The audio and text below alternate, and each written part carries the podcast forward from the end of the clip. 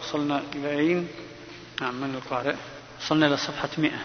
قال الإمام ابن تيمية رحمه الله تعالى وإذا تبين أن غاية ما يقرره هؤلاء النظار أهل الإثبات للقدر المنتسبون إلى السنة إنما هو توحيد الربوبية وأن الله رب كل شيء ومع هذا فالمشركون كانوا مقرين بذلك مع أنهم مشركون. وكذلك طوائف من أهل التصوف والمنتسبين إلى المعرفة والمنتسبين إلى المعرفة والمنتسبين إلى المعرفة والتحقيق والتوحيد. غاية ما عندهم من التوحيد هو شهود هذا التوحيد. طبعا المنتسبين يعني بذلك أنهم يدعون أنهم موحدون. يدعون أنهم موحدون وليس الأمر كذلك لأن فهمهم للتوحيد مختل. لأنهم يقصدون. وهذا غالب غالب على أه-، الفلاسفة الإلهيين إن صح التعبير. يعني اللي يتكلمون عن الله عز وجل ويعترفون بوجود الله.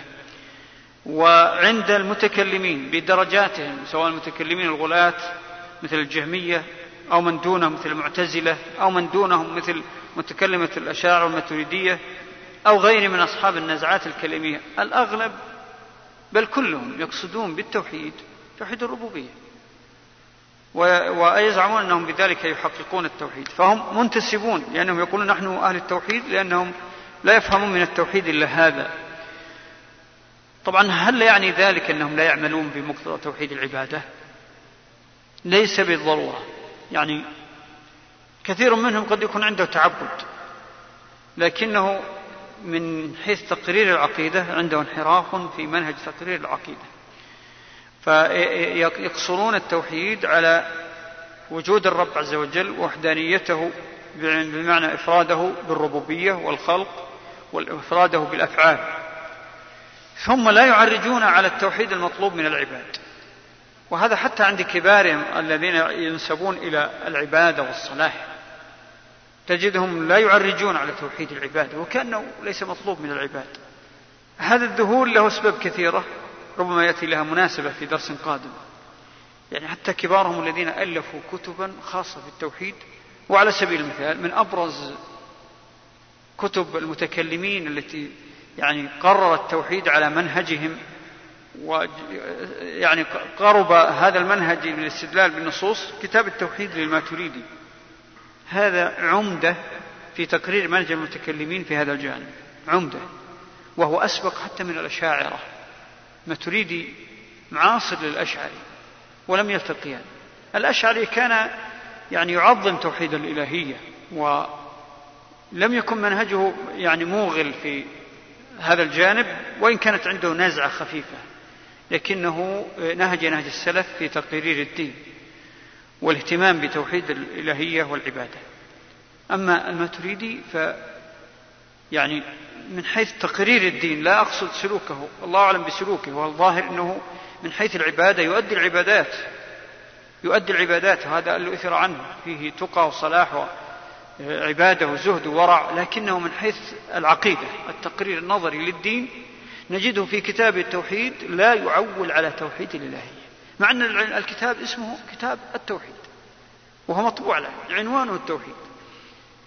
ولا تجد فيه عن توحيد العبادة توحيد الإلهية اللي هو المطلوب من العباد لا تجد فيه إلا إشارات تأتي عرضا لا على سبيل الاستقلال.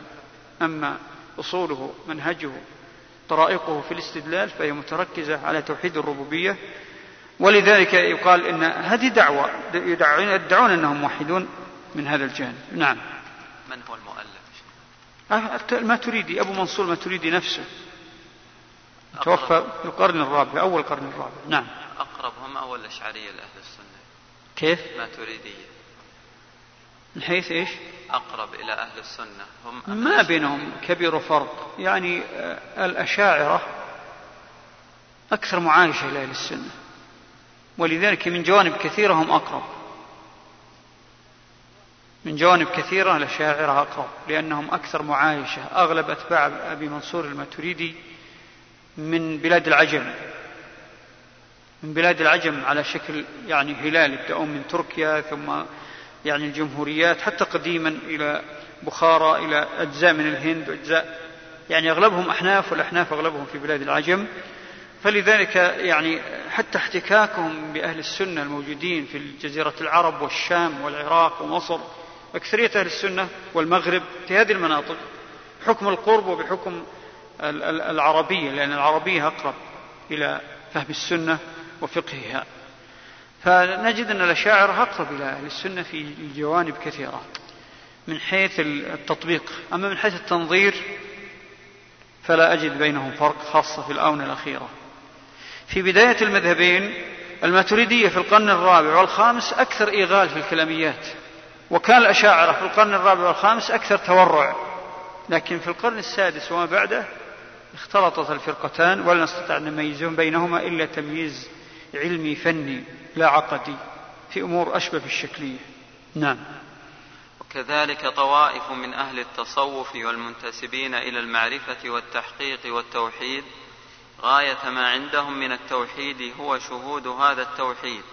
وأن يشهد أن الله رب كل شيء ومليكه وخالقه لا سيما إذا غاب العارف بموجوده عن موجود بموجوده عن وجوده وبمشهوده عن شهوده وبمعروفه عن معرفته ودخل في فناء توحيد الربوبية بحيث يفنى من لم يكن ويبقى من لم يزل. طبعا هذه نازعة فلسفية وقع فيها كثير من المتعبدة اللي عندهم نزعة كلامية. هي نزعة فلسفيه موجودة في كثير من الديانات اللي هم يعني أناس من العباد سواء من الديانات التي حرفت عباد اليهود عباد النصارى وفي عباد النصارى أكثر أو عباد الديانات الأخرى المجوسية الصابئة الديانات الهندية الفرس إلى آخره. هؤلاء عبادهم كثير منهم ينزعون إلى العبادة الفلسفية. ما معنى العبادة الفلسفية؟ التعبد عندهم هو أمر معنوي يتعلق بربط القلب بالقوى الغيبية. ربط القلب بأمور غيبية. بعضهم يسمي من يربط قلبه به. يقول نربط القلب بالله عز وجل. أحيانا من خلال التعبد فحسب. تعبد بمعنى أن يكون قلبه متعلق بالغيب. الغيب هم أحيانا يعبرون به عن الله عز وجل. وأحيانا من طريق التفكر فقط. من بدون تعبد. وأحيانا يجمعون بينهما وهو الغالب.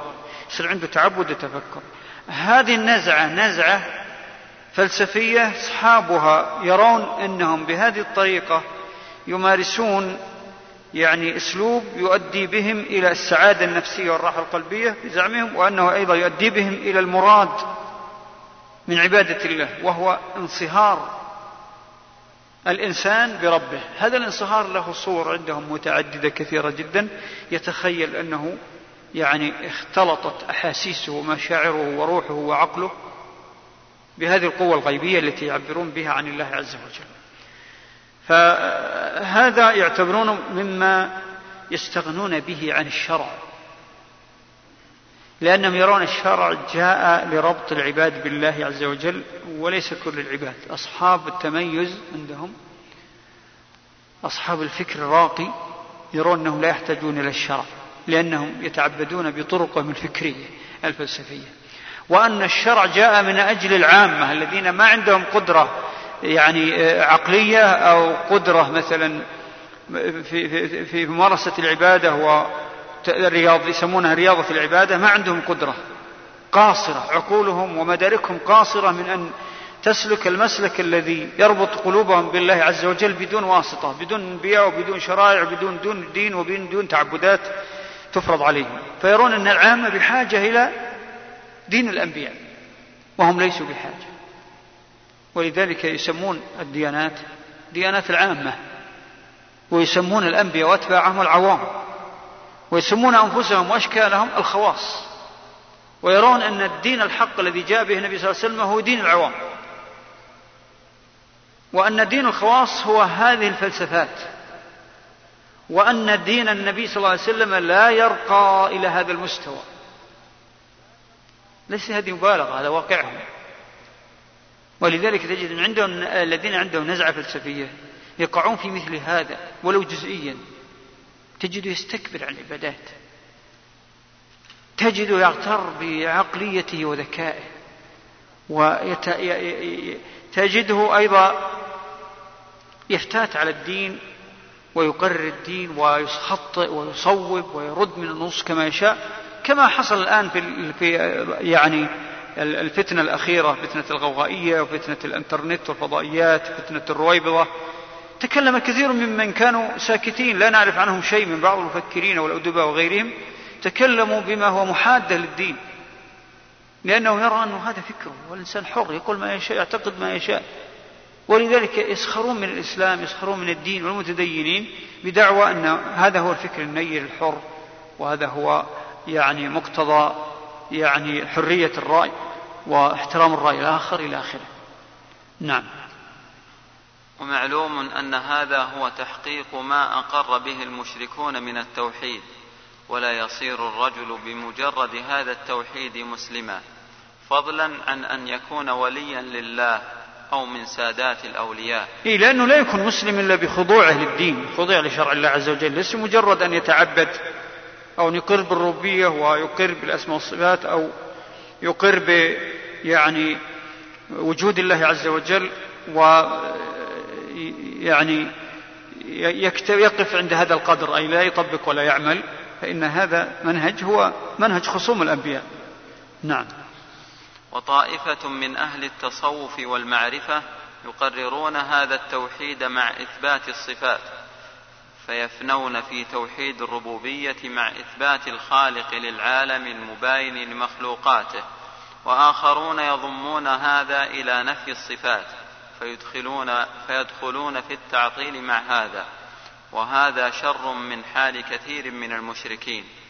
وكان جهم ينفي الصفات ويقول بالجبر. فهذا تحقيق قول جهم لكنه إذا أثبت الأمر والنهي والثواب والعقاب فارق المشركين من هذا الوجه. لكن جهما ومن اتبعه يقول بالإرجاء. فيضعف الأمر والنهي والثواب والعقاب عنده. والنجارية والضرارية والنجارية. والنجارية والضرارية طبعا النجارية هم أتباع الحسين بن النجار. يعني صاحب نزعة كلامية وكذلك أن الضرارية أتباع ضرار بن عمرو القاضي المشهور. هؤلاء كلهم يعني إلى الجهمية أقرب. نعم. والنجارية والضرارية وغيرهم يقربون من جهم في مسائل القدر والإيمان مع مقاربتهم له أيضا في نفي الصفات. والكلابية والأشعرية خير من هؤلاء في باب الصفات فإنهم يثبتون لله الصفات العقلية وأئمتهم يثبتون الصفات الخبرية في الجملة. طبعا أئمتهم الأوائل الحقيقة أن صعب أن نطلق هذا الأئمة الأوائل يعني قبل القرن السابع الهجري بل حتى قرن قبل القرن السادس. أئمتهم الأوائل يعني إذا اعتبرنا الحسن الأشعري إمام لهم مع أنه ليس بإمام نظلمه إذا قلنا ذلك لكن على اعتبار أنهم يعدونه إمامهم. ثم من جاء بعده ابن فورك وابن الباقلاني ثم الخطابي والبيهقي. هذه الطبقة كلهم يتورعون عن نفي الصفات باسم التأويل. لكن يسلكون مسلكا مضطربا. يثبتون الصفات الخبرية مثل يعني صفة اليد والوجه لله عز وجل لكن يثبتونها بنوع تأويل. بنوع تأويل لا تأويل صريح. ما يردون الصفة كما يردها الذين جاءوا من بعدهم. فهؤلاء عندهم تورع لكن فتحوا باب فتقوا باب النزعة الكلامية لمن جاء بعدهم. فمن جاء بعدهم ردها ردا صريحا ابتداء من البغدادي ثم الشهرستاني ثم الغزالي ثم الأيجي الآمدي ثم الأيجي والآمدي. هؤلاء ختموا منهج الأشاعرة. الأيجي والآمدي ختموا منهج الأشاعرة على الأصول الكلامية التي عليها الأشاعرة إلى اليوم إلى اليوم. أصول كلامية هي أقرب إلى الجهمية. نعم عندهم تورع من الرد الكامل لكن منهجهم يؤدي إلى التعطيل. لأنهم لا يثبتون لله عز وجل الصفات الذاتية بل لا يثبتون لله إلا سبع صفات. صفات كثيرة جدا. البقية يؤولونها. فهذه نتيجة الخلط. يسمونه التوفيق وهو تلفيق. يسمونهم التوفيق. الخلط والتلفيق بين منهج الفلاسفة الذي يتمثل بالجهمية والمعتزلة والمتكلمين وبين منهج السنة والجماعة الذي يتمثل بالالتزام النصوص فيما يتعلق بكل ما هو من أمر الغيب ومنه العقيدة وبالأخص صفات الله عز وجل. فهي غيب خالص. لا مجال للتأويل فيه فضلا عن التعطيل. نعم. وأئمتهم يثبتون الصفات الخبرية في الجملة كما فصلت أقوالهم في غير هذا الموضع.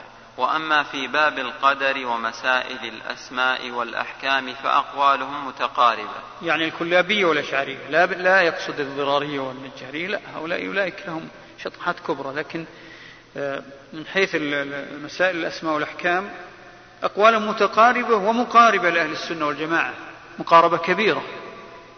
في القدر نعم هناك اضطراب عندهم في القدر خاصة الأشاعرة الماتريدية في القدر أصفى من الأشاعرة والأشاعرة في الصفات أصفى من الماتريدية. أما لكن ومع ذلك عندهم نوع قرب من أهل السنة لكن في الأسماء والأحكام الأسماء أي أسماء المسلمين وأحكامهم الكافر والمسلم والفاسق والفاجر والمنافق وأحكامهم في الدنيا مرتكب الكبيرة في الدنيا والآخرة. هذه تسمى الأسماء والأحكام. فالأشاعرة بحق لا يبعدون عن أهل السنة بل يوافقون أهل السنة في الجملة تقعيدا وتفصيلا. كذلك في باب الصحابة الأشاعرة وحتى الماتريدية يوافقون أهل السنة والجماعة في الأسماء والأحكام وهم أيضا أقوالهم متقاربة. نعم. وأما في باب القدر ومسائل ومسائل الأسماء والأحكام فأقوالهم متقاربة. والكلابية هم أتباع أبي محمد عبد الله بن سعيد بن كلاب الذي سلك الأشعري خطته.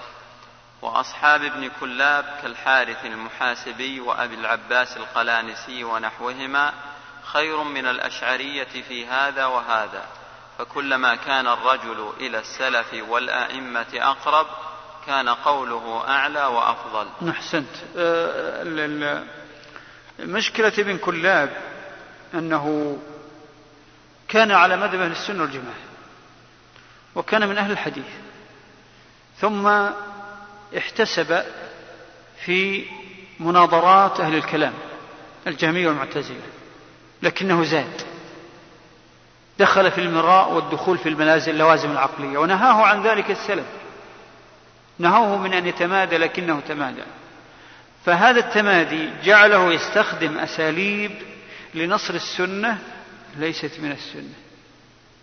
أساليب عقلية عقلانية وفلسفية وكلامية كأنه أراد أن يرد بها على أهل الكلام. فاستدرجوه إلى بعض أصولهم. من ذلك مما استدرجوه إليه مسألة أفعال الله عز وجل.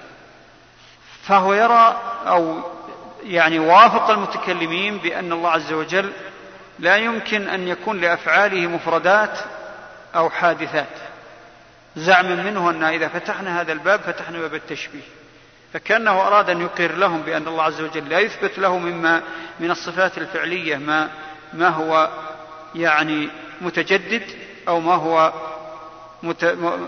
حادث طبعا هذه المسألة لها وجهان فالمهم أنه قفل باب يعني ما يسمى بمفردات الأفعال لله عز وجل مثل الكلام وغيره. فقال في كلام الله بأنه كلام معنوي قائم بالنفس وكذلك بقية الأفعال جعلها لازمة. والصحيح الذي عليه السلف هو أن أفعال الله عز وجل أو الصفات الفعلية لها وجهان. الصفات من حيث متعلقة بذات الله عز وجل صفات الله التي هي ما يوصف به مما يتعلق به سبحانه فهذا لا شك أنه لا يحدث له فيه شيء. حتى وإن حدثت لوازمها أو آثارها. وهناك نوع متعلق بالصفات أحيانا يوصف على أنه يعبر به على أنه من الصفة وهذا غلط. وهو آثار صفات الله. فمثلا صفة الخلق.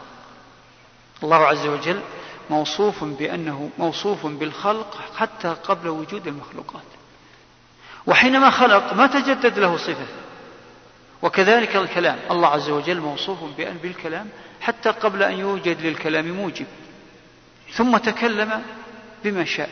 من ذلك كلمة كن. فحينما فعل الله عز وجل ما أراد أن يفعله من أفعاله لم يكن ذلك تجدد في ذات الصفة إنما هو تجدد في آثار الصفة وفي المفعولات في المفعولات لا في الأفعال بذاتها. فإن أصل الصفة ثابتة لله عز وجل حتى قبل وجود الموصوف والآثار. ابن كلاب جعلها لازمة فمن هنا التزم بأن الكلام لله عز وجل يعني معنى قائم. وأنكر أن يكون الكلام بحرف أو صوت. ثم يعني صار هذا مذهب فانفتق عن هذا المذهب إنكار أو تأويل الصفات الفعلية كلها لله عز وجل. طبعا الأشعري رحمه الله مال إلى قول ابن كلاب لكن بحذر وبتورع وأخذ عليه ذلك حتى في كتب الأصلية مثل الإبانة. هذا غير واضح لكن في اللمع واضح رسالة إلى أهل الثغر واضح أنه تأثر بهذه النازعة ومع ذلك يثبت الصفات الذاتية لله عز وجل ويثبت الصفات الفعلية. لكنه وصف بعض الصفات بأنها يعني بالوصف الذي لا يدل على حدوث ما يريده الله عز وجل من الصفات الفعلية إنما جعلها لازمة. هذا يعني التعبير مبسط وإلا فهناك تعبيرات أكثر عمق لعلها يأتي لها مناسبة فيما بعد من أجل تنظير هذه القضية. فلا نستعجلها الآن.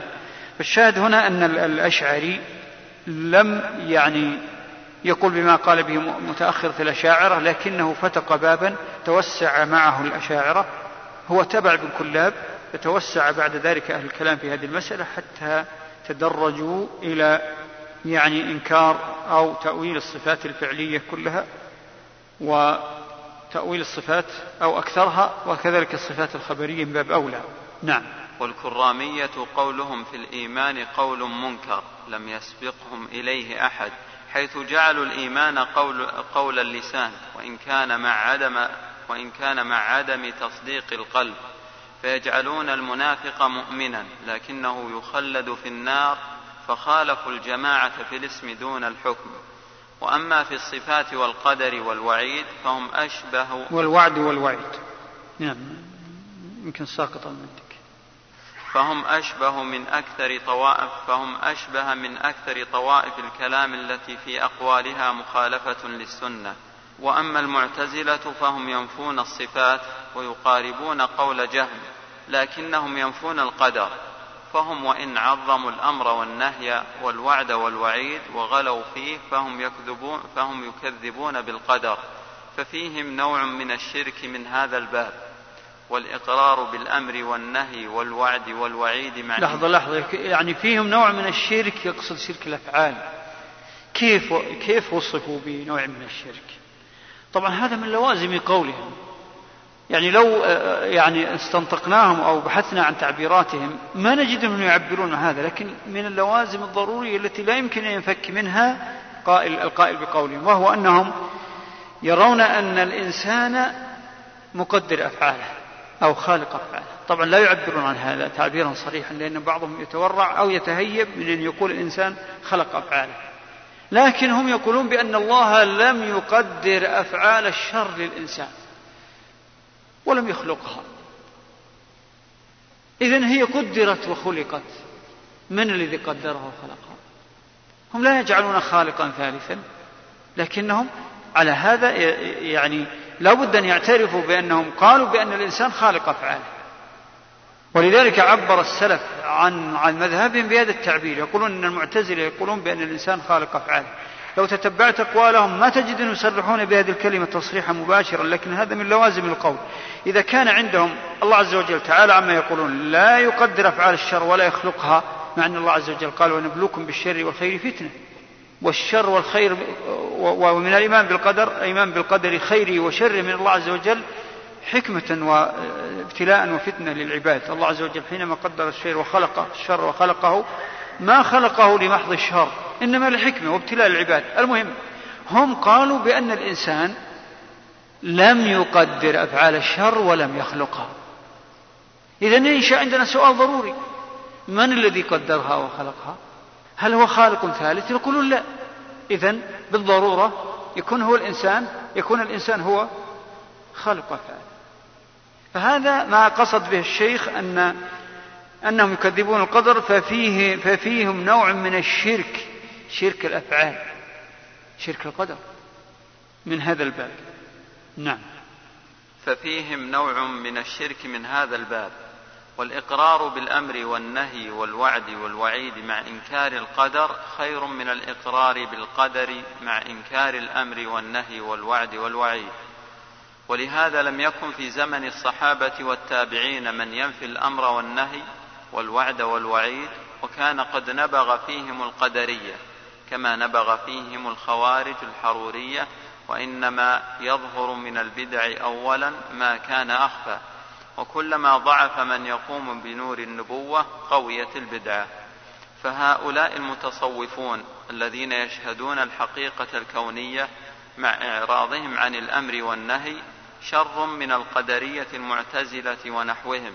أولئك يشبه أولئك يشبهون المجوس وهؤلاء يشبهون المشركين الذين قالوا لو شاء الله ما أشركنا ولا آباؤنا ولا حرمنا من شيء. والمشركون شر من المجوس. فهذا أصل عظيم على المسلم أن يعرفه. فإن أصل الإسلام الذي يتميز به أهل الإيمان من أهل الكفر وهو الإيمان بالوحدانية والرسالة شهادة أن لا إله إلا الله وأن محمدا رسول الله. وقد وقع كثير من الناس في الإخلال بحقيقة هذين الأصلين. أو أحدهما مع ظنه أنه في غاية التحقيق والتوحيد والعلم والمعرفة. فإقرار المشرك بأن الله رب كل شيء ومليكه وخالقه لا ينجيه من عذاب الله إن لم يقترن به إقراره بأنه لا إله إلا الله فلا يستحق العبادة فلا يستحق العبادة أحد إلا هو وأن محمدا رسول الله فيجب تصديقه فيما أخبر وطاعته فيما أمر فلا بد من الكلام في هذين الأصلين. أحسنت. نقف عند هذا؟ وبارك الله فيك. يقول قد يقرأ بعض الإخوة كتاب الحارث المحاسبي توهم في الوعظ لأنه يلامس القلوب فمن راي في الحقيقة أن من الكتب النقية ما هو أولى كتاب الزهد الإمام أحمد والزهد لابن المبارك. يعني هذه من أروع الكتب. مع أن ليس, ليس هذا يعني لا, لا يلزم من هذا صحة كل ما ورد فيها لكن أكثر ما ورد فيها من باب الحكم والمواعظ المنتقاة. الكتب الحارث المحاسبي لا تخلو من نزعتين من النزعة الكلامية وهذا قليل وأكثر الناس لا يدركها لأنها لا تدرك إلا بالمناقيش خاصة إذا تكلم عن القدر تكلم عن بعض مسائل يعني الصفات فهو نزعته كلابية لكنها غير واضحة. إنما الأخطر من هذا استعماله لمصطلحات صوفية آه، يعني تجعل الإنسان يتعلق بمعاني لا أصل لها شرعا. ولذلك سمى الإمام أحمد هذا المنهج الخطرات والوساوس آه، لا سيما في من لم يكن في بيئة لا يكون في بيئة يعني مثلا صوفية أو يعني ما إن كان في مثل هذه البيئة التي الحمد لله لا تزال على السنة في الظاهر أنا أرى أنه ما ينصح بكتاب كتب المحاسبي لهذا السبب. إلا طالب علم متمكن يستطيع أن يميز بين المصطلحات الشرعية والمصطلحات آه، المضطربة. بسم الله الرحمن الرحيم. الحمد لله رب العالمين. والصلاة والسلام على نبينا محمد وعلى آله وصحبه اللهم صل وسلم على سيدنا اللهم جزاك الله خير. قال شيخ الإسلام رحمه الله تعالى الأصل الأول توحيد الإلهية فإنه سبحانه أخبر عن المشركين كما تقدم بأنهم أثبتوا وسائط بينهم وبين الله يدعونهم ويتخذونهم شفعاء بدون اذن قال تعالى ويعبدون من دون الله ما لا يضرهم ولا ينفعهم ويقولون هؤلاء شفعاؤنا عند الله. قل أتنبئون الله بما لا يعلم في السماوات ولا في الأرض؟ سبحانه وتعالى عما يشركون. طبعا هذا نوع من أنواع الشرك وهو النوع الأكثر الأغلب. الأغلب فيما وقعت فيه الأمم عامة وفيما وقع فيه مشرك العرب بخاصة الأغلب في شركهم أنهم زعموا أن من يقدسونهم من أشخاص أو أحجار أو أشجار أو أشياء غيبية غائبة أو حاضرة من الصالحين وغير الصالحين يزعمون أن هذه وسطاء لهم أنها تشفع لهم عند الله. وقد يعني يعبدون الله من وجه ويعبدون هذه الأصنام من وجه وقد يفردون لها العبادة زعما يعني طوائف منهم طوائف يفردون لهذه الأنواع العبادة زعما منهم أنهم ليس لهم دالة على الله لارتكابهم للمعاصي والآثام وأنهم ليس لهم وجه بأن يعبدوا الله. هذا من عبث الشيطان بهم. وبعضهم لا يعبد الله ويعبد هذه الأصنام مع ذلك. وبعضهم أيضا قد يكون يعتقد ولو لم يعبد. هذه مسألة يغفل عنها كثير من الناس اليوم. بعض الناس يعني لقد لا يعبد يعني يوجه عبادة للمخلوقات لكنه يعتقد فيها النفع والضر. قلبه يتوجه إليها عند الضرورة. فإذا هذا نوع من الشرك. النوع الثاني آه، هناك من يعبد غير الله مباشرة ويزعم أن في المعبود خصائص الإله خصائص الإله. وهذا عليه كثير من مشرك المجوس ومشرك الهنود وغيرهم. لا يعبدون الله أصلا. فيعبدون الصنم مباشرة لا, لا لأنه وسيط بل لأنه عندهم هو المستحق للعبادة. هذا نوع من الشرك لكنه يعني أغلب ما يكون في البلاد البعيدة عن بلاد العرب أي أن تكون عبادتهم ليست عبادة وسائط بل عبادة الأصنام والأوثان من دون الله عبادة خالصة. وهناك نوع آخر وهو شرك لكن قد لا يكون من هذا النوع وهو ادعاء خصائص إلهية أو ربوبية في أحد المخلوقات. حتى لا موجه له عبادة ولا رجاه ولا خشية لكنه إذا اعتقد أن في مخلوق من المخلوقات خصيصة من خصائص الرب عز وجل فهذا شرك شرك اعتقادي. وهذا أيضا يقع فيه كثير من الفلاسفة والذين أصلا لا يتعبدون أو أو يستكبرون عن العبادة. تجد في قلوبهم تقديس لشيء من المخلوقات. ويدعون أن في بعض المخلوقات خصائص الرب عز وجل أو بعض خصائص الرب. فهذا نوع شرك ويوجد عند طوائف من الأمم. النوع الآخر شرك الحلول وهو أن يعتقد أن في شيء من المخلوقات أنه, أنه يكون حل في شيء من المخلوقات شيء من الله عز وجل الروح أو العقل أو النفس تعبيراتهم كثيرة. يعني مثلا خرافة العقل الفعال يرون العقل الفعال هو الله وأن هذا العقل الفعال وجد في المحركات للكون. هذا نوع من الحلول وبعضهم يرى أنه حل في بعض المخلوقات أو في كلها جزء من الإلهية. حلول أو حلول أو حلول النفس أو أي نوع من الحلول. وأحيانا يكون الأمر أكبر من ذلك. أحيانا يكون اتحاد. وهذا شرك. هذا قمة الشرك. قمة الشرك اعتقاد أن الكون كله هو الله. وأنه ليس هناك وجود ذاتي لله عز وجل غير وجود المخلوقات. هذه وحدة الوجود. وهذه كلها دخلت على العرب على العرب قديما ودخلت على المسلمين تحت مذاهب شتى. تحت مذاهب شتى خاصة مع الطرق الصوفية. الطرق صارت أوعية. ولذلك يعني من خلال الطرق استطاع أمثال ابن عربي وابن الفارض والسهروردي المقتول ومن نحى نحوهم استطاعوا أن يدخلوا يدخلوا وحدة الوجود على المسلمين أو على المنتسبين للإسلام من خلال الطرق من خلال التصوف الذي يسلم للشيخ ويعتقد أنه مهما بلغ مهما عمل فعمله كله بركة ولو كان شرك خالص. نعم. فأخبر أن هؤلاء الذين اتخذوا هؤلاء الشفعاء مشركون. وقال تعالى عن مؤمن وما لي لا أعبد الذي فطرني وإليه ترجعون.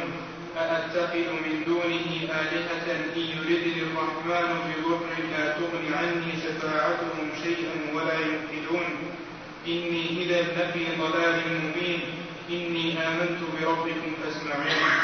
قال تعالى ولقد جئتمونا فرادا كما خلقناكم أول مرة وتركتم ما خولناكم وراء ظهوركم وما نرى معكم شفعاءكم الذين زعمتم أنهم فيكم شركاء. لقد تقطع بينكم وضل عنكم ما كنتم تزعمون. فأخبر سبحانه عن شفعائهم أنهم زعموا أنهم فيهم شركاء. وقال تعالى أن اتخذوا من دون الله شفعاء؟ قل أولو كانوا لا يملكون شيئا ولا يعقلون. قل لله الشفاعة جميعا له ملك السماوات والأرض ثم إليه ترجعون. وقال تعالى ما لكم من دونه من ولي ولا شفيع. وقال تعالى وأنذر به الذين يخافون أن يحشروا إلى ربهم. ليس لهم من دونه ولي ولا شفيع. وقال تعالى من ذا الذي يشفع عنده إلا بإذنه. وقال تعالى وقالوا اتخذ الرحمن ولدا. سبحانه بل عباد مكرمون لا يسبقونه بالقول وهم بأمره يعملون. يعلم ما بين أيديهم وما خلفهم ولا يشفعون إلا لمن ارتضى وهم من خشيته مشفقون. وقال تعالى وكم من ملك في السماوات لا تغني شفاعتهم شيئا إلا من بعد أن يأذن الله لمن يشاء ويرضى. وقال تعالى قل ادعوا الذين زعمتم من دون الله لا يملكون مثقال ذرة في السماوات ولا في الأرض وما لهم فيهما من شرك وما له منهم من ظهير ولا تنفع الشفاعة عنده إلا لمن أذن له.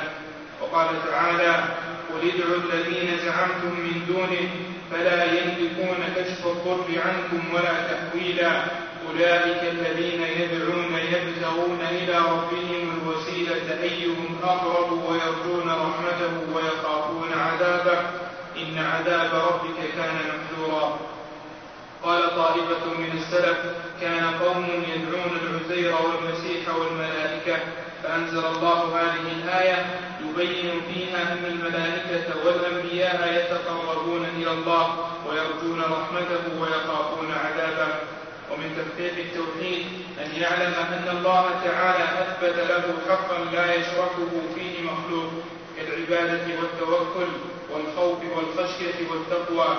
كما قال تعالى لا تجعل مع الله إلها آخر فتقعد مذموما مخذولا وقال تعالى إنا أنزلنا إليك الكتاب بالحق فاعبد الله مخلصا له الدين. وقال تعالى قل إني أمرت أن أعبد الله مخلصا له الدين. وقال تعالى قل أفغير الله تأمروني أعبد أيها الجاهلون إلى قوله الشاكرين. وكل من الرسل يقول لقومه اعبدوا الله ما لكم من إله غيره.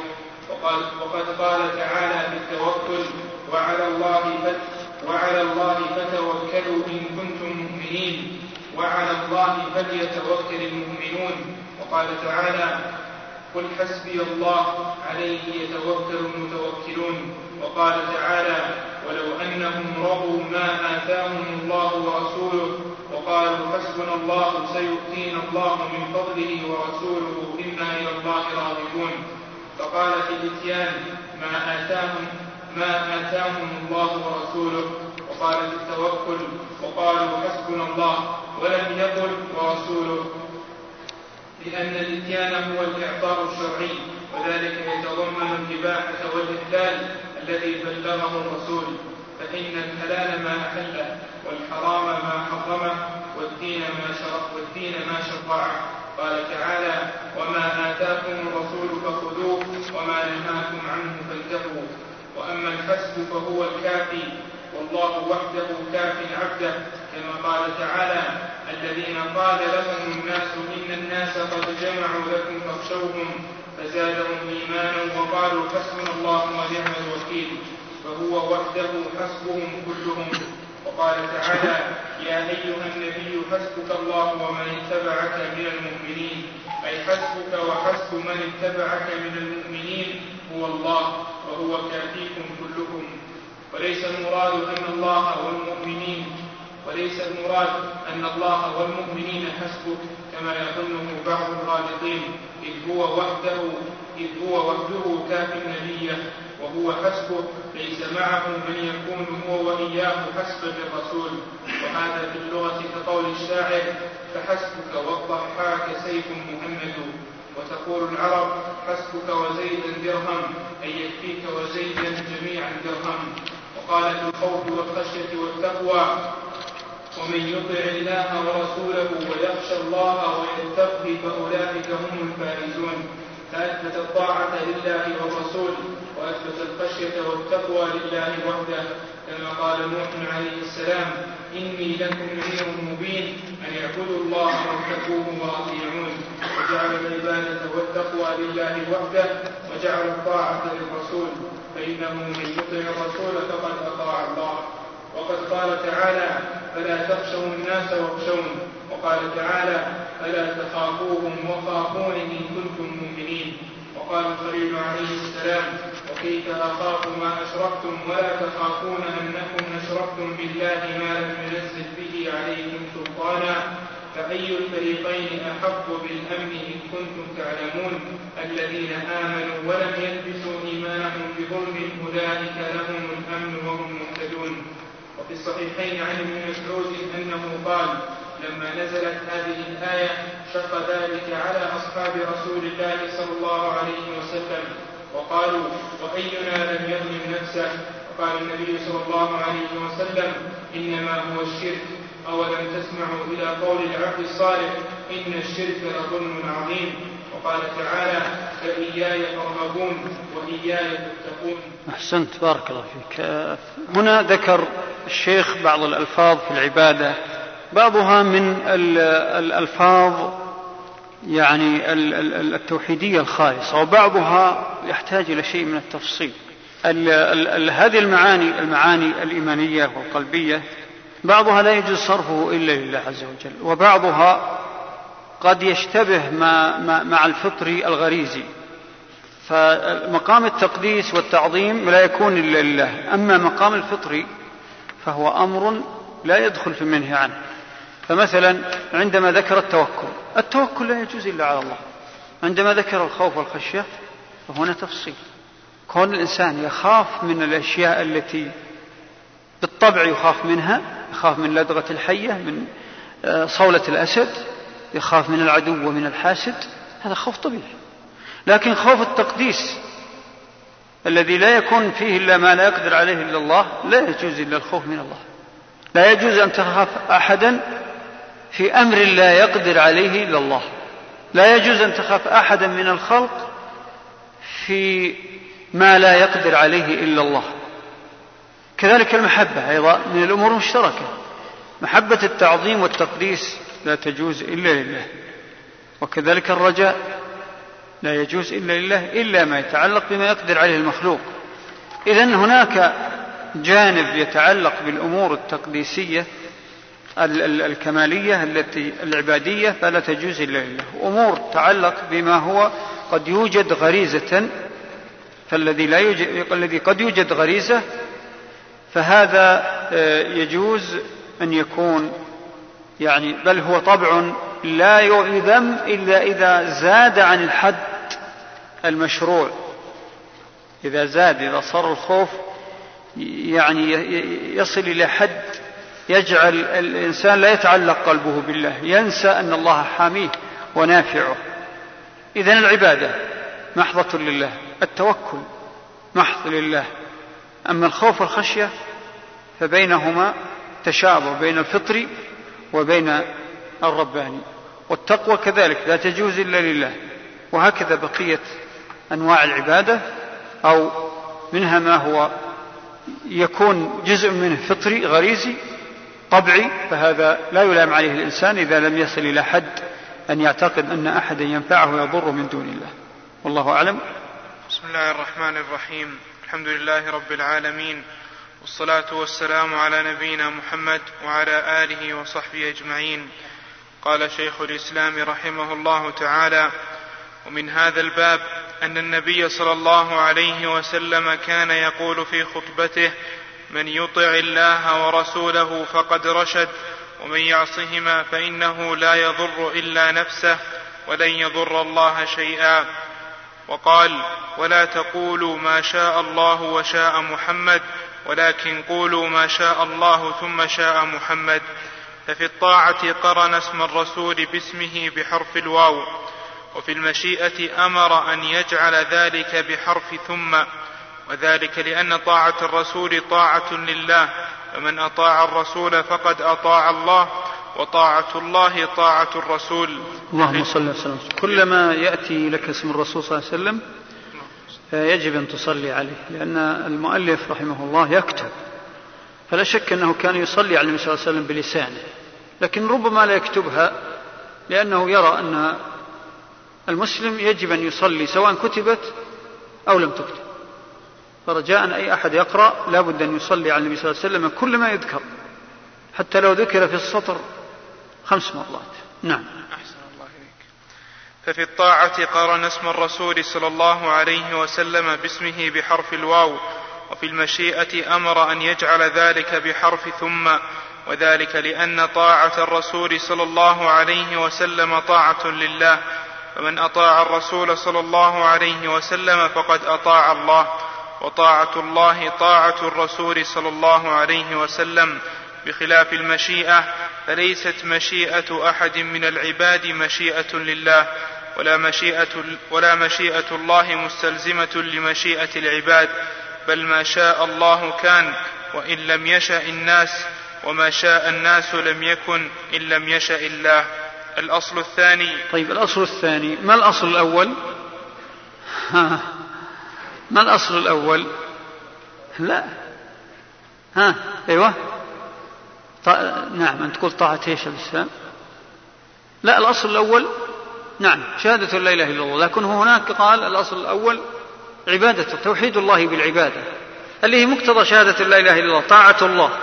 والأصل الثاني أي الأصل الأول حق الله عز وجل. حق الله عز وجل مقتضى لا إله إلا الله هو حق الله عبادة الله توحيد الله بالعبادة. وحق الرسول صلى الله عليه وسلم أن أن نؤمن به أو الأولى أن يقول نحبه ونؤمن به. نعم. الأصل الثاني حق الرسول صلى الله عليه وسلم فعلينا أن نؤمن به ونطيعه ونتبعه ونرضيه ونحبه ونسلم لحكمه. وأمثال ذلك قال تعالى من يطع الرسول فقد أطاع الله وقال تعالى والله ورسوله أحق أن يرضوه وقال تعالى قل إن كان آباؤكم وأبناؤكم وإخوانكم وأزواجكم وعشيرتكم وأموال اقترفتموها وتجارة تخشون كسادها ومساكن ترضونها أحب إليكم من الله ورسوله أحب إليكم من الله ورسوله وجهاد في سبيله فتربصوا حتى يأتي الله بأمره. وقال تعالى فلا وربك لا يؤمنون حتى يحكموك فيما شجر بينهم ثم لا يجدوا في أنفسهم حرجا مما قضيت ويسلموا تسليما وقال تعالى قل إن كنتم تحبون الله فاتبعوني يحببكم الله وأمثال ذلك. أحسنت بارك الله فيك. نقف عند هذا لأنه في الدرس القادم اولا إن شاء الله سنطيل القراءة في هذا الفصل. وكذلك الدروس الباقية عشان ننتهي. ولأن هذا موضوع جديد يتعلق بتقسيم أهل الضلال وهذا تقسيم منهجي. يحتاج إلى مزيد تعليق. نسأل الله الجميع التوفيق والسداد. وصلى الله وسلم وبارك على نبينا محمد وعلى آله وصحبه أجمعين. الحمد لله حمدا كثيرا طيبا مباركا فيه كما ينبغي لجلال وجهه وعظيم سلطانه. وأشهد أن لا إله إلا الله وحده لا شريك له وأشهد أن نبينا محمدا عبده ورسوله صلى الله عليه وسلم وآله ورضي الله عن صحابته والتابعين ومن تبعهم بإحسان إلى يوم الدين. وبعد بعون الله وتوفيقه نبدأ الدرس كالمعتاد بما يتيسر من أسئلة. أمامي سؤال أظن يتضمن عدة أسئلة. يقول نرجو تعليق حول القائل حول قول القائل إن السلف قالوا في الآيات والأحاديث الواردة في الصفات نؤمن بها كما وردت. ونترك بيان المقصود منها لله. فهم يثبتون اليد والعين كل ذلك بمعاني لا ندركها ونترك الإحاطة بعلمها لله لا سيما وقد نهينا عن ذلك, عن ذلك في قول النبي صلى الله عليه وسلم تفكروا في خلق الله وتفكروا في الله فإنكم لن تقدروه حق قدره أو تقدروه حق قدره. ثم يقول أن الخلف بأنهم قالوا إننا نقطع بأن معاني ألفاظ هذه الآيات والحديث لا يراد بها ظواهرها وهي على ذلك فهي مجازات لا مانع من تأويلها.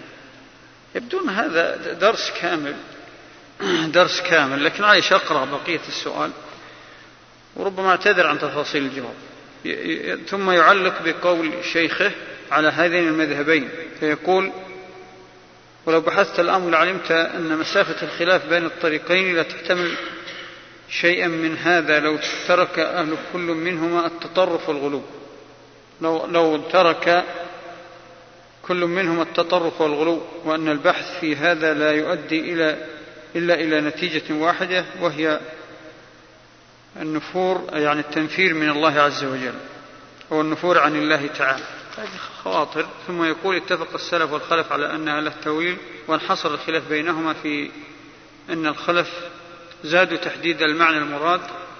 على حال هذا كلام. لا أدري كلام من والكلام يحتاج إلى أن ينظر فيه كله. إنما اشتمل على أمور بينة وأمور فيها عمومات. فعلى أي حال نعم فرق بين مذهب السلف في هذا الجانب وبين مذهب الخلف. السلف يثبتون ما أثبته الله عز وجل لنفسه وما أثبته له, له رسوله صلى الله عليه وسلم. وهذا الإثبات من غير تشبيه. وينفون ما نفاه الله عن نفسه وما نفاه عنه رسوله صلى الله عليه وسلم من غير أن يعطلوا أو أن ينكروا الصفات. فاشتمل هذا الكلام على أمور مبهمة وغريبة فإذا الحق بين. مثل هالكلام السياق بهذه الصورة أحيانا يعني يزيد تشويش. فمن الشيخ ومن آه، تلميذه وماذا يريد هذا وما يريد هذا. إذا أعود وأقول نعم مذهب السلف بين واضح مثل الشمس فهم يثبتون ما أثبته الله لنفسه وينفون ما نفاه الله عن نفسه ويقولون آه، عن الكيفيات لا ندركها. أما مسألة المعاني فهذا كلام مجمل. المعاني ما يقصد به. يقصد بها المعنى اللي هو مراد الله. فهذا يثبت الحقيقة التي يريدها الله عز وجل. إثبات الصفات حق على حقيقتها كما يليق بجلال الله. هذا مثبت والسلف يثبتونه. إنما السلف أحيانا عندما ترد بعض النصوص التي يشكل تفسيرها. يقولون الله أعلم بمراده أو نجريها على ظاهرها ولا يقصدون بالظاهر معاني جوفاء. يقصدون بالظاهر الحقائق التي تليق بالله. هذا هو الظاهر لأنه ما جاء السياق إلا لإثبات حق لإثبات كمال لله سبحانه وتعالى إثبات صفة فعل. فهذا يثبت وهذا معنى نجريه على ظاهره وما وراء الظاهر من الكيفيات التي لا يعلمها إلا الله عز وجل هذا هو الذي نتوقف فيه أما مذهب الخلف فهو يخالف. ولا شك أن الحق لا يتعدد. إذا تعدد الحق ضاع الناس. في الاجتهاديات تتعدد الصواب أو عدمه. لكن في القطعيات لا يمكن لأن الاجتهاديات مبنية على أن الناس تعبدوا في أن يستنبطوا المعاني من النصوص. ومن هنا قد يخطئ من يخطئ فما دعا عن اجتهاد فهو ماجور ويصيب من يصيب فما دام عن اجتهاد فهو له أجران. ومن أخطأ ولم يقصد الخطأ لا يضره ذلك. لأن مسائل الاجتهادية تتعلق بممارسات الناس فيجري فيها الخلاف على ضوء اختلاف النصوص أو منازع الاجتهاد من النصوص. أما القطعيات ومنها صفات الله عز وجل أسماء الله وصفاته وأفعاله قطعيات. فلا يجوز التعدد فيها المعنى لأنه إذا تعدد الناس ماذا يعتقدون؟ تقول والله الحق أظنه كذا وأظنه كذا. هل هنا نستطيع أن نعتقد شيء؟ إذا قلت الحق أظنه كذا وأظنه كذا.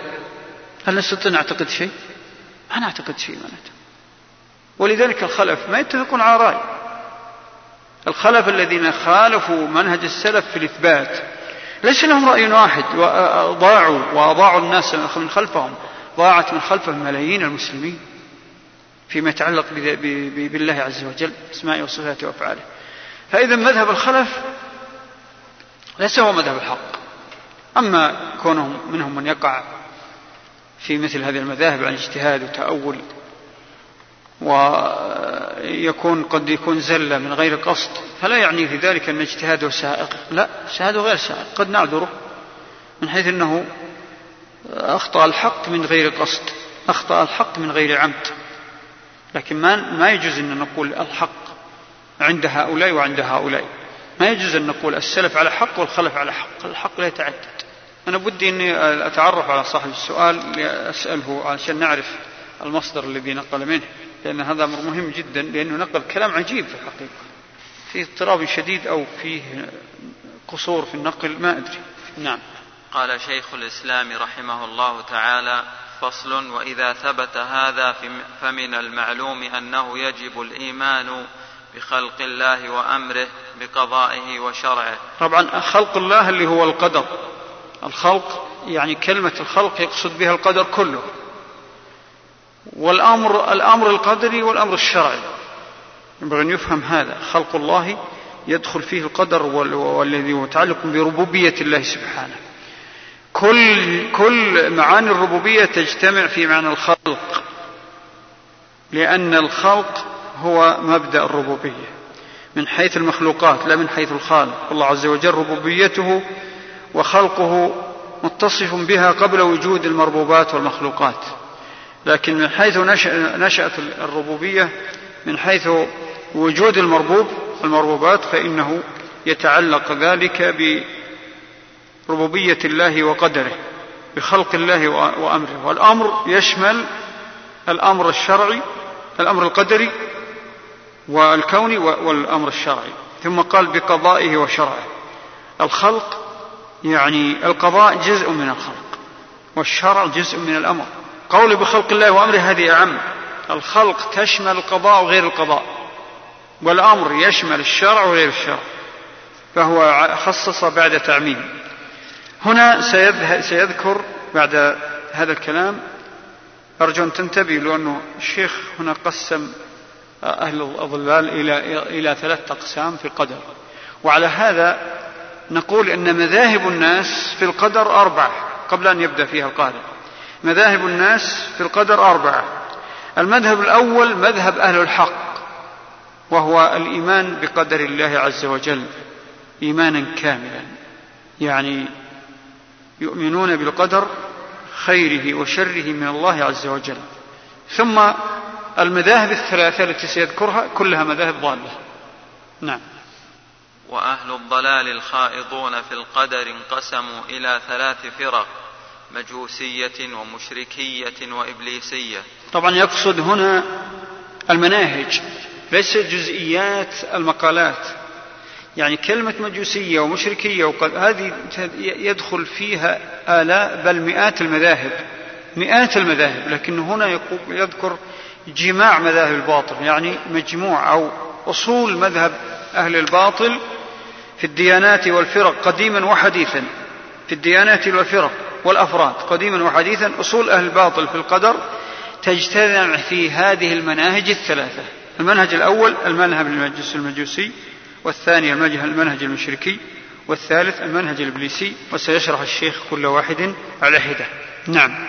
فالمجوسية الذين فالمجوسية الذين كذبوا بقدر الله وإن آمنوا بأمره ونهيه فغلاتهم أنكروا العلم والكتاب ومقتصدوهم أنكروا عموم مشيئته وخلقه وقدرته وهؤلاء هم المعتزلة ومن وافقهم. إذا آه، لماذا سموا مجوسية؟ لأنه أشهر من عرف عنه. أشهر من عرف عنه من الأمم. التكذيب بالقدر المجوس. وهذا تسبب في أنهم عبدوا إلهين وزعموا أن الشيطان هو خالق الشر فعبدوه من دون الله. يسمونه إله الشر. فهم نظرا لأنهم أكثر من تعمق في هذه المسألة إلى حد أنهم أله الشيطان وعبدوه من دون الله ولا يزال إلى الآن يوجد فرقة في العراق هم عبدة الشيطان. هم آه، يعني آه، نزعة أو يعني فصيل من فصائل الاتجاه المجوسي وإن كانوا ينتسبون إلى ديانة أخرى. فالمهم أن أن هذه النزعة أصلها في المجوس ويوجد يعني مثلها أو ما هو أقل منها عند جميع الأمم. ونظرا لأن الله عز وجل كتب الافتراق على جميع الأمم فما من فرقة من فرق الديانات الكتابية إلا وفيها فرقة مجوسية في اليهود والنصارى قدرية تسمى ثم في الأمة هذه لما الله عز وجل كتب الافتراق على الأمم وأنها تتبع سنن من كان من قبل فمن سنن الأمم التي التي تأثر بها المسلمون سنن المجوس. فدخلت الفلسفة المجوسية إلى المسلمين من خلال مذهب القدرية. القدرية الأولى أنكرت العلم أنكرت جميع مراتب القدر يعني أنها أنكرت علم الله عز وجل بالشر وكتابته للشر ومشيئته وخلقه. ثم نشأ عنها مذهب المعتزلة الذين لما رأوا مذهب قوة مواجهة السلف لهذا المذهب وأن السلف كفروا من ينكر العلم والكتابة لقطعية النصوص تأولوا لأنفسهم يعني وقالوا بالقدر فيما يتعلق يعني بنفي قدر الله عز وجل فيما يتعلق بالمشيئة والخلق. قالوا أن الله عز وجل لا يشاء الشر ولا يخلقه. ولذلك ألزموا بأن يقولوا بأن الإنسان خالق أفعال. وهذا إلزام عقلي حتم لأنه إذا كان كان يزعمون أن الله عز وجل لم يقدر الشر ولم يشاءه ولم يخلقه مع أن الله عز وجل قال ونبلوكم بالشر والخير فتنة وإلينا ترجعون. وأن الله خالق كل شيء إلا أنهم مع ذلك لما قالوا بهذه المقولة قالوا, قالوا لهم السلف إذا هذه الأفعال التي تقولون أفعال الشر التي تقولون بأنها ليست من خلق الله لابد أن يكون لها خالق. وبالنسبة للإنسان فنظرا لأنه نشأت منه أفعال الشر فإنه يكون خالق أفعال إذا هذا المذهب راجع إلى المجوسية إلى القدرية المجوسية. نعم. والفرقة الثانية المشركية. الذين أقروا بالقضاء والقدر وأنكروا الأمر والنهي. قال تعالى سيقول الذين أشركوا لو شاء الله ما أشركنا ولا آباؤنا ولا حرمنا من شيء. فمن احتج على تعطيل الأمر والنهي بالقدر فهو من هؤلاء. وهذا قد كثر في من يدعي الحقيقة من المتصوفة. طبعا لماذا سموا المشركية؟ لأن غالب المشركين على هذا المبدأ. غالب المشركين على هذا المبدأ يقرون بأن الله هو الرب سبحانه الخالق المدبر. ولذلك جاءت أسئلتهم في القرآن وبين الله عز وجل على أنهم أقروا بهذه الأمور. لكنهم حينما جاءتهم الأوامر الشرعية والنهي حينما جاءهم النبي صلى الله عليه وسلم بالدين وطلب منهم أن يعبدوا الله وحده طلب منهم مقتضى لا إله إلا الله محمد رسول الله أبى. فأبوا الأمر والنهي. وبقوا على مجرد دعوة أنهم موحدون بتوحيد الربوبية. وهذا عليه كل من يعني يقع في الشرك من من الأمم ومن من ينتسب للإسلام. يزعمون أنهم يعظمون الله عز وجل بربوبية بأنهم يؤمنون بتوحيد الربوبية ويظنون هذا هو التوحيد. لكن يخلون بالأمر والنهي إما بالابتداع في الدين وإما بالإعراض. نعم. أحسن الله إليك. النصارى يدخلون في مثل هذا؟ النصارى منهم فرق منهم فرق تجتمع فيهم هذه الفرق كلها. منهم فرق قدرية وأغلب النصارى قدرية. فيما يظهر لي والله أعلم أنه غالب النصارى قدرية. نعم. والفرقة الثالثة وهم الإبليسية الذين أقروا بالأمرين لكن جعلوا هذا متناقضا من الرب سبحانه وتعالى. وطعنوا في حكمته وعدله كما يذكر ذلك عن إبليس مقدمهم كما نقله أهل المقالات ونقل عن أهل الكتاب. والمقصود أن هذا مما تقوله أهل الضلال وأما أهل الهدى والفلاح فيؤمنون بهذا وهذا ويؤمنون بأن الله خالق كل كل شيء وربه ومليكه. بأن الله أنت عمر عادتك متقن للغة. ولذلك أستوقفك. اليوم غلطت غلطتين أو ثلاث. ليس من عادتك أن الله خالق. نعم. ويؤمنون بأن الله خالق كل شيء وربه ومليكه. وما وربه ومليكه وما شاء كان وما لم يشأ لم يكن. وهو على كل شيء قدير. وأحاط بكل شيء علما وكل شيء أحصاه في إمام مبين. ويتضمن هذا الأصل من إثبات علم الله وقدرته ومشيئته ووحدانيته وربوبيته وأنه خالق كل شيء وربه ومليكه ما هو من أصول الإيمان. ومع هذا فلا ينكرون ما خلقه الله من الأسباب التي يخلق بها المسببات. كما قال تعالى حتى إذا أقلت سحابا ثقالا سقناه لبلد ميت فأنزلنا به الماء فأخرجنا به من كل الثمرات. وقال تعالى يهدي به الله من اتبع رضوانه سبل السلام. وقال تعالى يضل به كثيرا ويهدي به كثيرا. طبعا الأدلة هنا صريحة بأنه يعني نسبة كل الأمر إلى الله عز وجل. كل الأمر كل كل الأمر يأتي بالأسباب. حتى الشر. كقول عز وجل يضل به كثيرا ويهدي به كثيرا. بأسباب. الضلال بأسباب والهداية بأسباب. والأسباب كلها من الله عز وجل. لكن وهذا يعني سيتبين من خلال الكلام القادم بشكل أوضح. لكن كيف يقال أن ننسب الشر إلى تقدير الله؟ نعم يقال.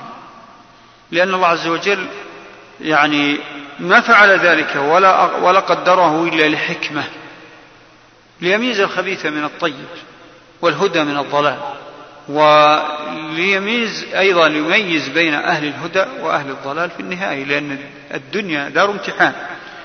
والامتحان لا يمكن أن يميز فيه بين الناجح وغير الناجح بين الهالك والفائز إلا بمثل هذا التمييز.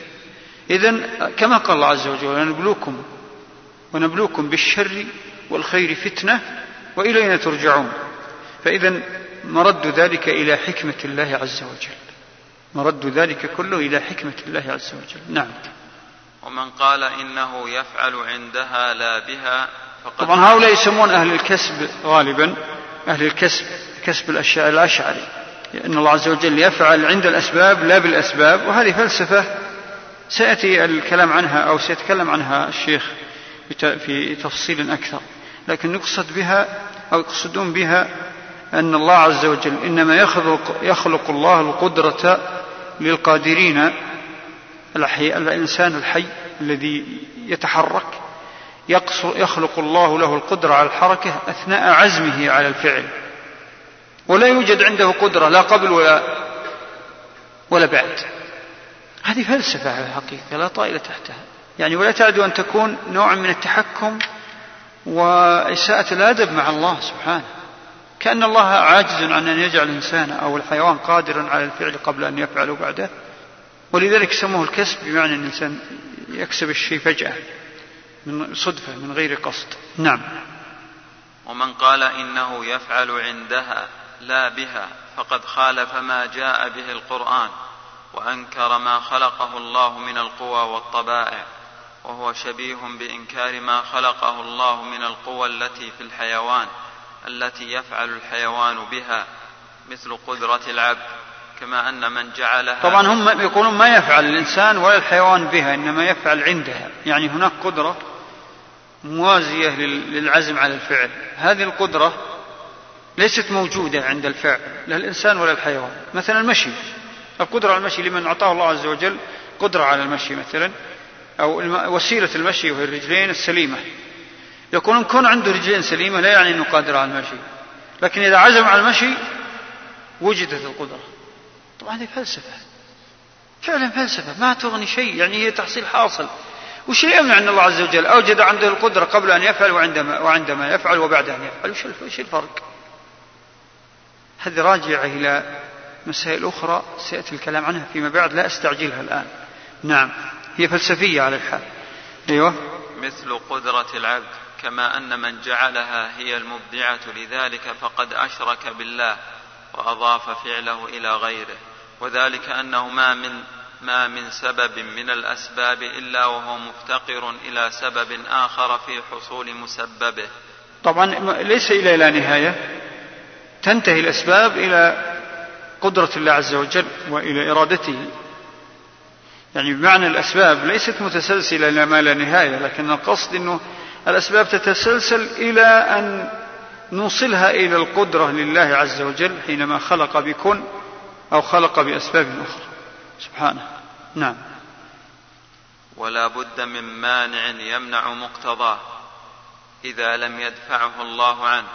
فليس في الوجود شيء واحد يستقل بفعل شيء إذا شاء, إذا شاء إلا الله وحده.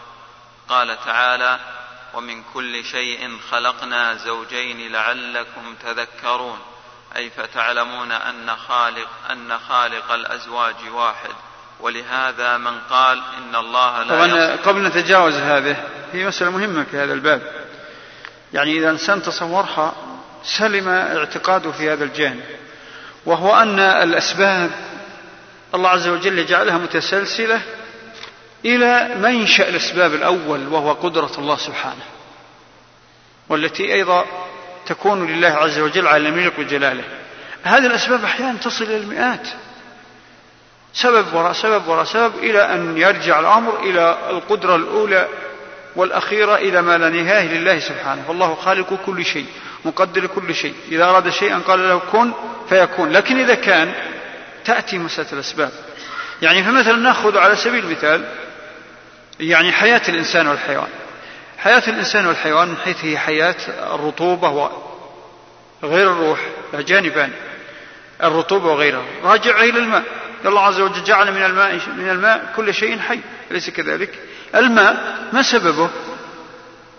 البخار. أو المطر، المطر ما سببه؟ البخار، البخار ما سببه؟ تأتي إذا حسب ما يطلع الله عباده من الأسباب أحيانا يصلون إلى نهاية. قد تكون هناك أسباب غيبية أيضا لا نعلمها. لكن ومع ذلك مرد الأمر في النهاية إلى المسبب الأول وهو الله عز وجل. لئلا نقول أن الأسباب متسلسلة إلى ما لا نهاية هذا لا يعقل. يستحيل. لابد أن تنتهي إلى نهاية وهي قدرة الله عز وجل ومشيئته. نعم. ولهذا من قال إن الله لا يصدر عنه إلا واحد لأن الواحد لا يصدر عنه إلا واحد كان جاهلا. فإنه ليس في الوجود واحد صدر عنه وحده شيء لا واحد ولا اثنان. لا على حال هذه مسألة العقل الفعال نقف عندها لأني عندي الآن موعد وتحتاج إلى تعليق. هذه آه، فلسفة ما يسمونه العقل الفعال. ونحتاج إلى أن نكثف القراءة في الدرسين القادمين إن شاء الله في التدمرية. وصلنا صفحة كم؟ صفحة 210 عندي أو على صح 207 وقفنا على الفرق أو مذاهب الناس في القدر. وذكرنا أنها أربعة قبل أن يبدأ القارئ. عشان نستصحب هذا عند القراءة. المذهب الرابع ما ذكره الشيخ إلا لاحقا ولا ليس لأنه مذهب على أنه مذهب إنما لأنه الحق. فذكر مذاهب الفرق الضالة الثلاثة الإبليسية المجوسية والمشركية والإبليسية. والمذهب الرابع هو مذهب الحق الذي عليه أغلب الأمة وهو مذهب أهل السنة والجماعة على الخصوص. نعم. بسم الله الرحمن الرحيم. الحمد لله رب العالمين والصلاة والسلام على نبينا محمد وعلى آله وصحبه أجمعين. اللهم اغفر لنا ولشيخنا أجمعين.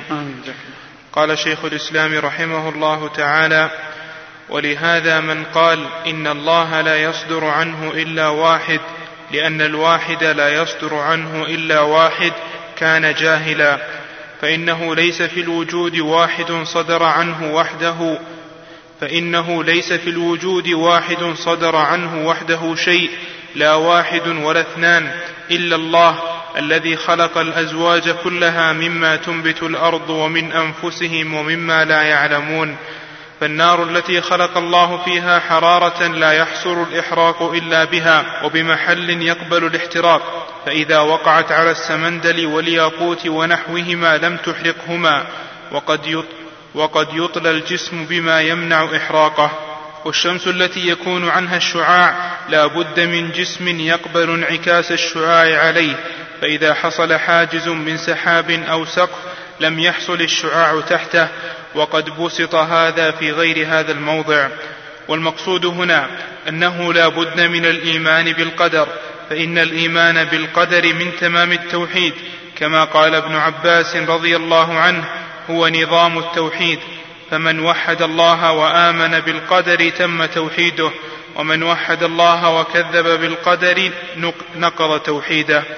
ولا بد من الإيمان بالشرع. نقض توحيده عندك نقض تكذيبه توحيده في بعض النسخ وهو أقرب إلى الصواب. نقض تكذيبه توحيده. في بداية الكلام يعني أشار إلى مسألة الحقيقة فلسفية.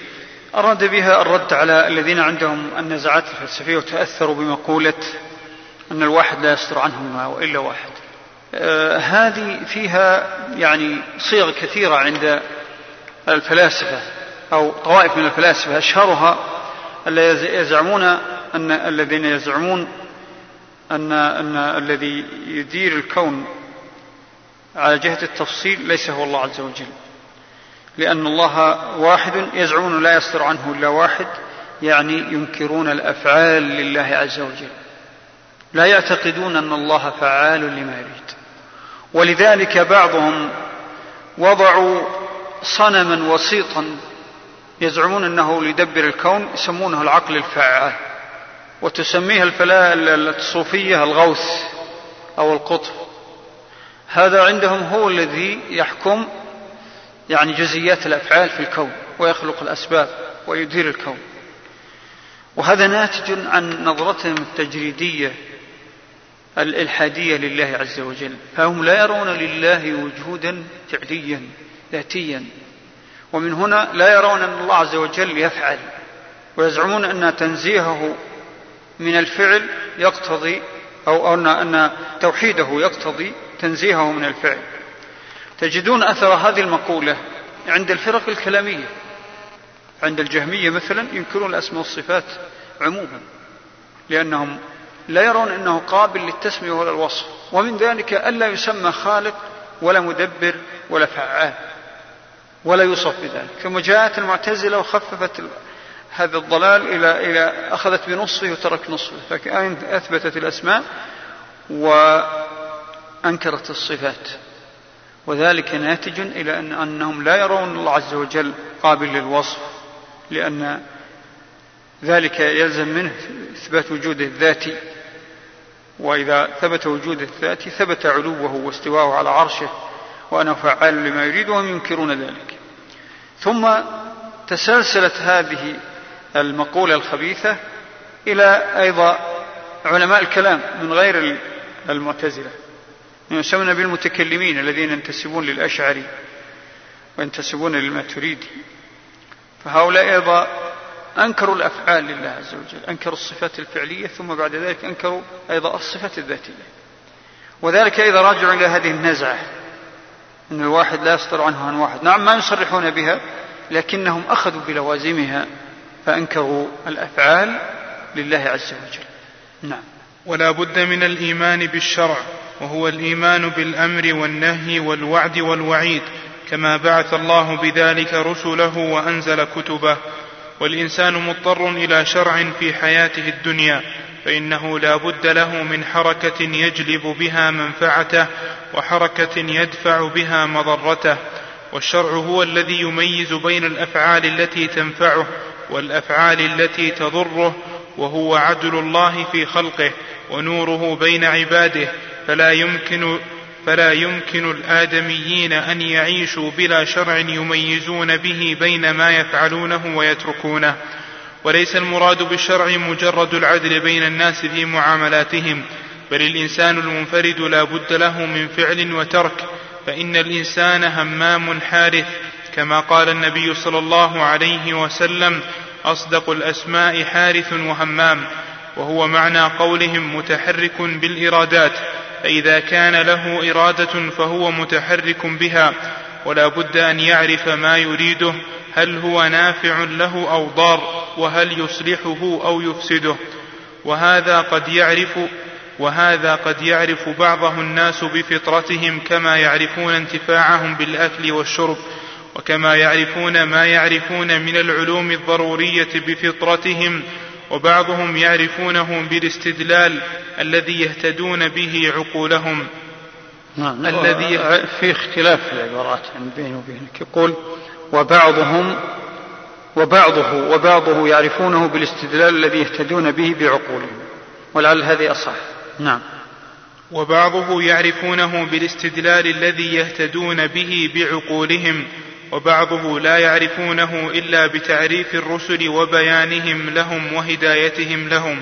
نعم المعارف غير العقيدة وهذا مما يجب التنبه له لا سيما بعدما كثر الذين لا يفهمون العقيدة وبدأوا يشككون في المسلمات. زعما منهم أن العقل هو الذي يقرر الثوابت. يعني آه، فرق بين المعرفة والإعتقاد. المعرفة قد تتحول للاعتقاد وقد لا تتحول. والاعتقاد هو الأمر اللازم شرعا سواء كان مما تقتضيه الفطرة والعقل السليم أو لا تقتضيه. يعني بمعنى تدركه أو لا تدركه. ومن هنا فإن مفهوم العقيدة أخص وألزم من المعرفة. وعلى هذا على سبيل المثال العقول السليمة والفطر المستقيمة تدرك كمال الله عز وجل بالفطرة. لكن هل كل عقل يدرك ذلك؟ ليس كل عقل عقل قد يعتريه الخلل والهوى والنقص وغير ذلك والخواطر والوساوس والأوهام. بل غالب العقول. يعني أكاد أكاد أجزم أنه يندر أن يوجد العقل السليم الذي يقرر هذه الثوابت العلمية المعرفية التي هي ثوابت شرعية بموجب النصوص. فأقول أن العقول السليمة والفطر المستقيمة تقرر كمال الله عز وجل ووحدانيته وأنه الخالق وحده. أيضا العقول السليمة تقرر وجوب العدل اللي هو من أصول الاعتقاد عندنا وجوب العدل ودفع الظلم عن الخلق. تقرر حاجة الناس إلى شرع يحكمهم وهذا الشرع ينبغي ألا يكون منهم بل ممن يملك أو بمن ممن هو عليم خبير وهو الله عز وجل. العقول السلمية تدرك هذا. ثم العقول السليمة أيضا تدرك ضرورة البعث. لكن ومع ذلك هل ممكن هذه المعارف تتحول إلى عقاد إلى حقائق يقينية بدون ما يرد بها الشرع على جهة الإلزام؟ أقول في الأمر شك. لأن البشر يعني لا يطيع بعضهم بعض في المعارف. فلو أنا مثلا واحد واثنين وثلاثة معي أو عشرة أو كل هالمجلس قرروا قضية فطرية. لا نستطيع أن نقول للناس إنها لازمة إلا بتكلف ودلائل وبراهين قد تقنعهم وقد لا تقنعهم. لكن إذا قلنا هذا هو حكم الله الذي جاء من السماء هذا الوحي المعصوم أصبح عقيدة عند من يدين عند من يدين بالوحي. هذا الشيء الشيء الآخر أيضا عندما تدرك العقول هذه المجملات والفطر السليمة وافقت الشرع نعم. لكن حينما وافقت الشرع هل جاءت لنا بالتفاصيل؟ هناك تفاصيل تتعلق بجميع القضايا التي تدركها العقول على الإجمال. هناك تفاصيل لا يمكن أن تدركها العقول إلا إلا بالوحي وهي مناط الاختبار والتكليف. فمثلا عندما تدرك العقول كمال الله عز وجل هل تستطيع أن تصف الله وتسميه بأسمائه الحسنى كما جاء في الكتاب والسنة؟ لا. من أوصاف الله عز وجل ما لا يمكن تصل إليه العقول لو لم يرد في الكتاب والسنة. إثبات الاستواء العرش. اليد الوجه النزول المجيء الكلام وغير ذلك من الصفات التي جاءت. العقل السليم لا ينكرها لو ما دامت ثبتت لكن قبل أن تثبت لا يستطيع أن يقول فيها شيء. نأتي إلى البعث مثلا. العقل السليم يدرك مجملات البعث. أي أن البعث ضرورة. قد يدرك العقل السليم والفطر لكن هل يعرف عذاب القبر ونعيمه والبعث والحشر والنشور والصحف والميزان والصراط وتفاصيل آه، نعيم الجنة؟ نسأل الله أن يجعلنا جميعا من أهلها. وتفاصيل عذاب النار؟ نسأل الله يعيذنا من النار. كل ذلك لا تدرك العقول. إذا المجملات لا تقرر عقيدة المجملات تقرر معارف فقط. العقيدة التي ينجو بها العبد عند الله عز وجل لا تقررها العقل العقول السليمة استقلالا ولا الفطر المستقيمة استقلالا والمجملات لا تنفع. فإن من المشركين من عقلاء الكفار الآن من يدرك هذه المجملات؟ يوجد وكتبوا في ذلك كتابات موجودة الآن لكن هل تنفع؟ هل تنفعهم؟ هل تدخلهم الإسلام؟ لا. نعم. وفي هذا المقام تكلم الناس في أن الأفعال هل يعرف حسنها وقبيحها بالعقل أم ليس لها حسن ولا قبيح يعرف بالعقل كما قد بسط في غير هذا الموضع وبينما وبين ما وقع في هذا الموضع من الاشتباه فإنهم اتفقوا على أن كون الفعل يلائم الفاعل أو ينافره فإنهم اتفقوا على أن كون الفعل يلائم الفاعل أو ينافره يعلم بالعقل وهو أن يكون الفعل سببا لما يحبه الفاعل ويلتذ به وسببا لما يبغضه ويؤذيه وهذا القدر يعلم بالعقل تارة وبالشرع أخرى وبهما جميعا أخرى. لكن معرفة ذلك على وجه التفصيل ومعرفة الغاية التي تكون عاقبة الأفعال من السعادة والشقاوة في الدار الآخرة لا تعرف إلا بالشرع.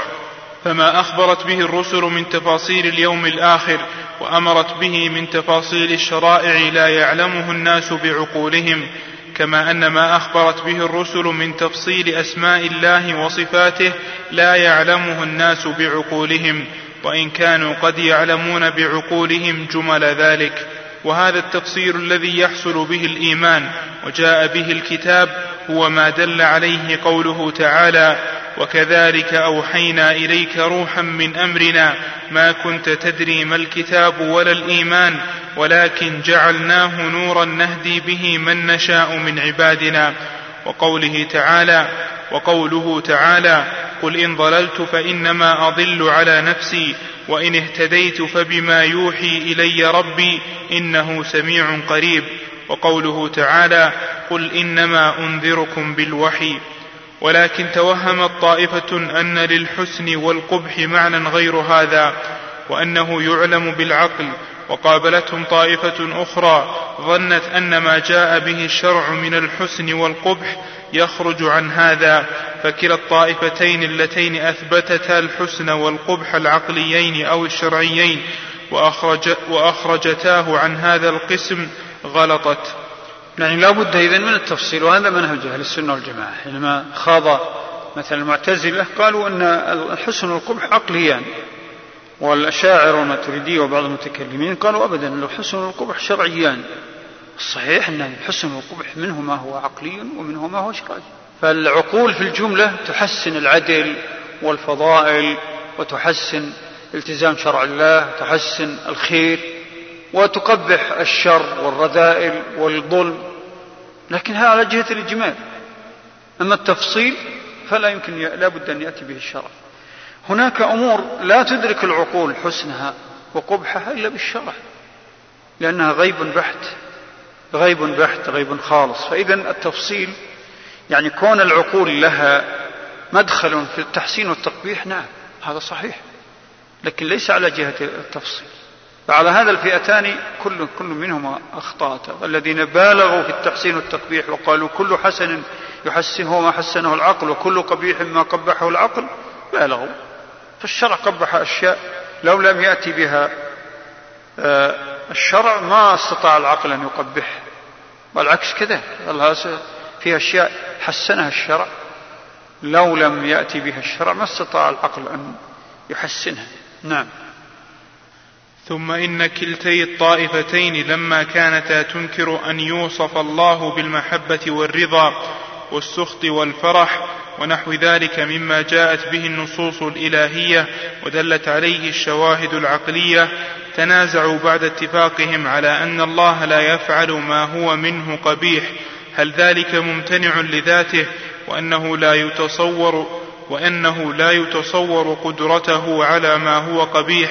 وأنه سبحانه منزه عن ذلك لا يفعله لمجرد القبح العقلي الذي أثبتوه على قولين. والقولان في الانحراف من جنس القولين المتقدمين. أولئك لم يفرقوا في خلقه وأمره بين الهدى والضلال والطاعة والمعصية والأبرار والفجار وأهل الجنة وأهل النار والرحمة والعذاب. فلا جعلوه محمودا على ما فعله من العدل أو ما تركه من الظلم ولا ما فعله من الإحسان والنعمة وما تركه من التعذيب والنقمة. والآخرون نزهوه بناء على القبح العقلي الذي أثبتوه ولا حقيقة له وسووه بخلقه فيما يحسن ويقبح وشبهوه بعباده فيما يأمر به وينهى عنه. نعم على حال أيضا هذه فلسفة. يعني الحق هو الوسط والتفصيل في هذه الأمور. يعني الظاهر من كلام الفلاسفة وتبعهم المعتزلة. في هذه المسألة بالذات وبعض طوائف المتكلمين أنهم قالوا بأن كون الله عز وجل لا يفعل القبيح إنما هو راجع على أنه لا يتصور منه ذلك لا, لا يقدر عليه. ولذلك قالوا يعني عبروا عن الله عز وجل بعبارات غير لائقة أنه لا يقدر ولا يفعل. وهذا يعني نوع من سوء الأدب مع الله عز وجل وخوض فيما لا طاقة للعقول به وهو أيضا نوع من التكلف الذي نهى الله عنه ثم إنه يلزم بألزامات كلها باطلة. فلذلك الأولى المسلم أن لا يتحدث عن هذه الأمور. فإن الله عز وجل فعال لما يريد وهو لا يفعل الشر لأنه ليس مقتضى الحكمة. فالله كما أنه فعال لما يريد فهو سبحانه عليم خبير حكيم. والحكمة هي وضع الأمور في مواضعها. فلا يقال إنه لا يقدر يفعل الشر. لا يقال هذا لا يمكن لا يجوز. وكذلك العكس أيضا. الذين قالوا أنه آه، هذا مقتضى يعني آه، ثوابت هي لازمة لله عز وجل. ما هو صحيح. الله عز وجل لا يلزمه شيء. لا يلزمه شيء. نعم.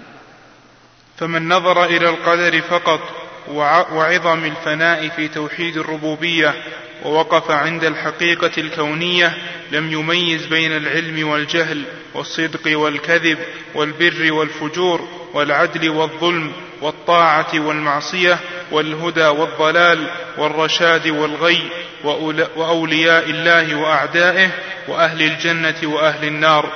وهؤلاء مع أنهم مخالفون بالضرورة لكتب الله ودينه وشرائعه فهم مخالفون أيضا لضرورة الحس والذوق وضرورة العقل والقياس فإن أحدهم لا بد أن يلتذ بشيء ويتألم بشيء فيميز ما بي فيميز بين ما يأكل ويشرب وما لا يأكل ولا يشرب وبين ما يؤذيه من الحر والبرد وما ليس كذلك وهذا التمييز بين ما ينفعه ويضره هو الحقيقة الشرعية الدينية. ومن ظن أن البشر ينتهي إلى حد يستوي عنده الأمران دائما فقد افترى وخالف ضرورة الحس. نعم آه نعم آه قصده في هذا طوائف قد لا تكون ظاهرة عند عموم الناس. لكن مذهبها لكن مذهب هذه الطوائف أثر في عقائد كثير من أهل الأهواء والبدع والافتراق لا سيما الصوفية. هذه الطوائف كانت موجودة قبل الإسلام في بعض عباد الأمم خاصة الأمم الشرقية وحتى الأمم الغربية يوجد حتى عند اليونان وعند الرومان فلاسفة يتعبدون بالفلسفة يتعبدون بمناهج فلسفية ويزعمون أن الإنسان بالتعبد والتحنث يعني يتحد بالله عز وجل أو يحل به أو أو أو يكون له حلول مع الله أو أنه إذا إذا إذا ارتقى إلى إلى إلى القمة في التعبد لم يعد بحاجة إلى أن يأتمر بالأمر ولا ينتهي عن النهي.